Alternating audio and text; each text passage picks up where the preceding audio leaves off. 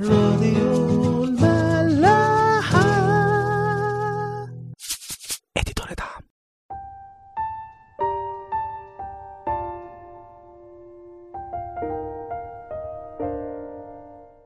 مساء الخير واهلا بيكم في حلقة جديدة من عيش وملح.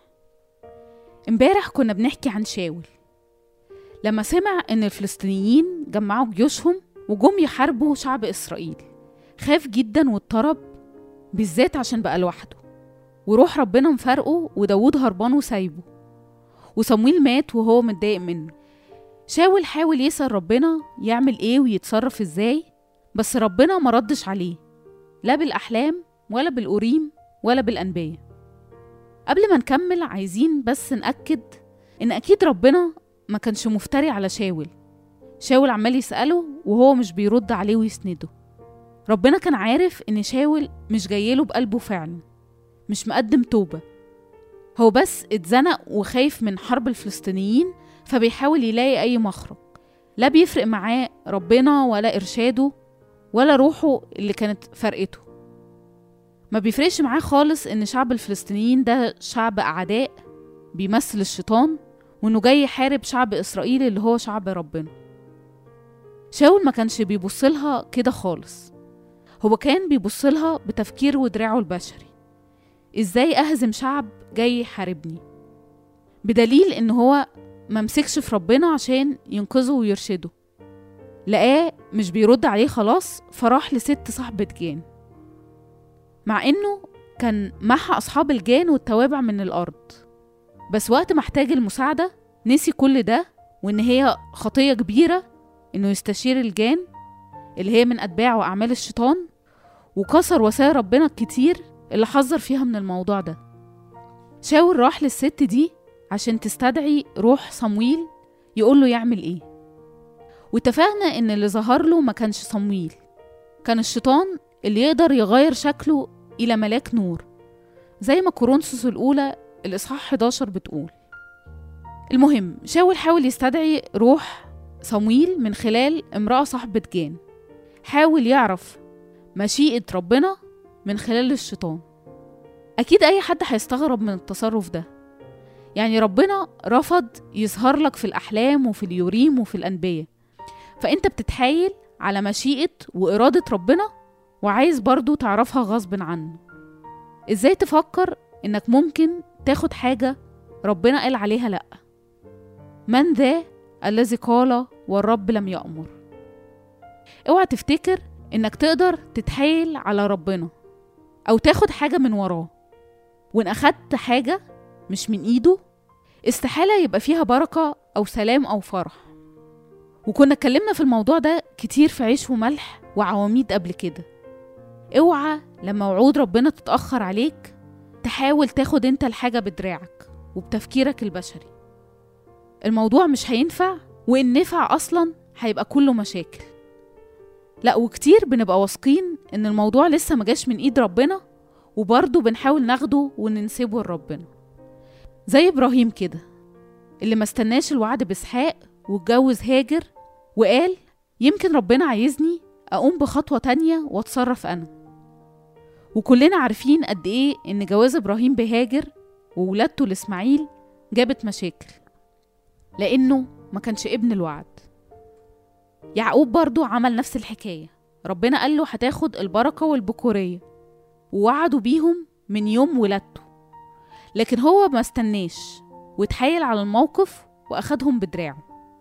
وكانت النتيجة إنه عاش هربان من عيسو أخوه وبعيدة عن أمه وأبوه رفقة وإسحاق. ما تحاولش تعمل زي شاول أو إبراهيم أو يعقوب. طبعا هم مختلفين. شاول كان مفارقه روح ربنا أصلا. لكن إبراهيم ويعقوب كانوا ماشيين في طريقه. بس مع اختلاف موقف كل واحد فيهم وشدته كلهم فكروا في النقطة دي بعيدة عن ربنا. شاول حاول يسمع مشيئة ربنا وإرادته وهو أصلا بعيد عن ربنا وما يعرفوش. وإبراهيم ويعقوب كانوا عايزين ينفذوا ويحققوا وعود ربنا بنفسهم. ربنا وعد بحاجة يبقى هيديها في وقتها وبطريقته. ما تحاولش تخطف الحاجة دي من وراه وضد مشيئته أو خطته أو مواعيده ليك. حتى لو أنت واثق إنها من عند ربنا زي وعد إبراهيم ويعقوب ما تاخدش الحاجة إلا من إيده إلا لما هو يديها لك بنفسه ويبارك فيها. لو مش هتعمل كده استحمل نتائج تفكيرك وتصرفاتك. طبعا ممكن يكون معظمنا ما كانش كلنا عمل كل الكلام ده قبل كده. المهم إنك لما تدرك إن أنت اللي عملته ده غلط تقف وترجع لربنا تاني. مش معنى إنك اخترت اختيار غلط أو اتصرفت بعيد عن ربنا ووعوده إن نتائج خطيتك وتصرفاتك تفضل معاك للأبد. شاول لو كان رجع لربنا في أي وقت بقلبه حقيقي ربنا كان أكيد وقف معاه وحارب وانتصر على الفلسطينيين. في أي وقت تلاقي إنك بوظت الدنيا وكل حاجة بتقع عليك ما تكملش لوحدك. ارجع لربنا واطلب إنه يكمل معاك الطريق وهو أكيد هيصلح كل حاجة.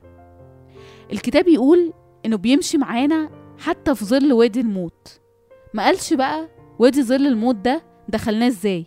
حتى لو دخلناه بنفسنا هو يقدر إن هو يبقى معانا فيه ويخرجنا منه. خلونا نكمل قصة شاول وصاحبة الجان.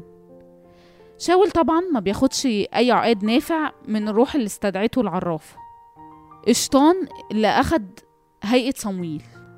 عمر ما الشيطان ما هيفيدك أو يديك نصيحة. أوعى تنخدع وتفتكر إنه هينفذ لك طلباتك وأمنياتك. وان حقق لك حاجة واحدة بس هياخد منك مليون حاجة قصادها. هو بيجيب رجلك في الأول لكن عمره ما هيفضل في صفك. لأنك ببساطة ملك العدو الوحيد اللي هو يسوع المسيح. عمر ما الشيطان هيتمنى أو هيديلك الخير. ما بيجيش من وراه إلا كل شر. خلاص كده بتنتهي قصة صاحبة الجان مع شاول. بتشوف إن هو ما أكلش طول اليوم ووقع على الأرض فبتطلب منه إنه ياكل عندها عشان يعرف يكمل في الطريق. وفي الأول بيرفض ولما بيلحوا عليه العبدين اللي معاه والست بيسمع كلامهم ويقوم من على الأرض ويقعد على السرير. وبتذبح الست دي عجل مسمن كان عندها في البيت وبتخبز فطير وتقدمه لشاول والعبيده الاتنين. فبياكلوا ويقوموا يمشوا في نفس الليلة نكمل معاكم بكرة. راديو ملاح. e titoliata.